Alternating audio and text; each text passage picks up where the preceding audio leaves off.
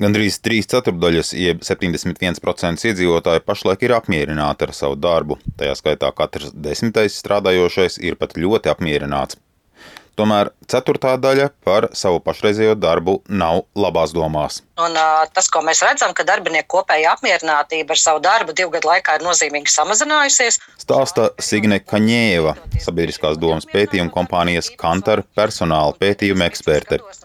Būtiski gandrīz divas reizes krities visapmierinātāko darba ņēmēju noskaņojums. Un kopumā strādājošo labsajūta ir zemākajā līmenī pēdējo piecu gadu laikā. Runājot par iemesliem, tad Covid periodā bija vērojams būtisks tieši ļoti apmierināto darbinieku īpatsvaru kāpums. Varbūt strādājošiem novērtējot gan savu dzīves kopumā tādas patiesās vērtības, gan to, ka vispār ir darbs, Un šogad, jā, 2023. gadā darbiniekiem jau varbūt izjūtot tādu pēc-covid periodu nogurumu, kā arī savā ikdienas dzīvē saskaroties ar tādu ģeopolitisko notikumu negatīvajām sekām, kā energokrīze, arī cenu kāpums, darba samaksas neatbilstība, varbūt straujam inflācijas līmeņa kāpumam, strādājošie Latvijā ir kļuvuši prasīgāki un arī kritiskāki savā vērtējumā.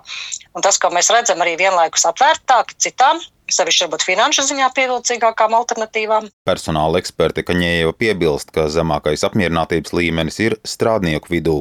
Cilvēkiem ar zemākiem ienākumiem, arī ēdināšanas un izmitināšanas jomā strādājošiem. Šie dati gan tādi ir vienmēr, bet pēdējo gadu laikā būtiski neapmierinātākie ar darbu kļuvuši pirms pensijas vecuma cilvēki. Iespējams, šie cilvēki piedzīvojuši mazāko vai nekādu algu kāpumu. Protams, ir arī darba devēji, kas kāpina, šis atalgojuma līmenis arī daudzām darbinieku grupām tiek celts, bet ir tomēr vairāk ir tāda orientācija varbūt uz tādu augstu līmeņu speciālistiem, uz talantiem.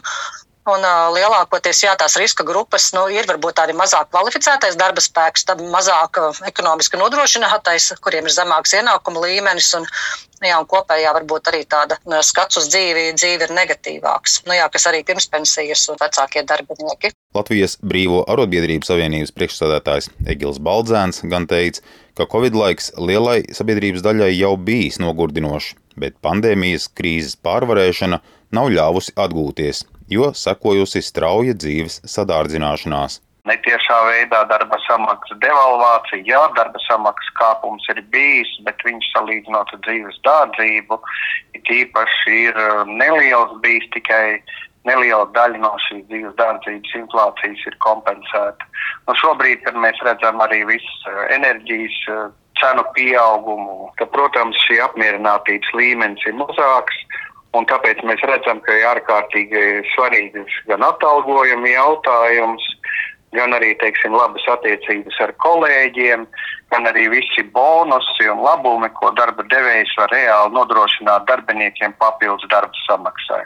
Arī darba devēji vērtēja, ka šī darba ņēmēju aptauja uzrāda visas sabiedrības noskaņojumu. Darba devēja konfederācijas ģenerāldirektors Kaspars Gorkšs uzskata, ka strādājošajiem pirmkārt tomēr ir svarīga drošība un tikai otrajā plānā ir algu kāpuma jautājums vispārējā sadārdzinājuma laikā.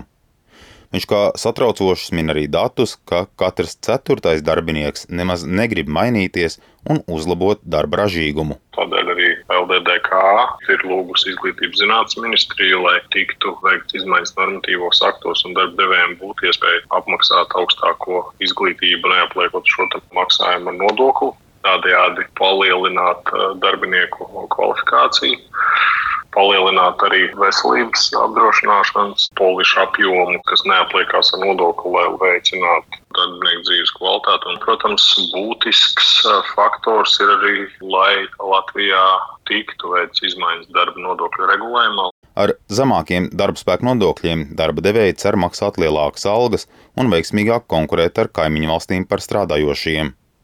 Viens no četriem nodokļu politikas reformas variantiem to arī paredz. Taču izmaiņas, pat ja tās politiski akceptēs, spēkā varētu stāties tikai aiznākamgad. Edgars Kupčs, Latvijas radio.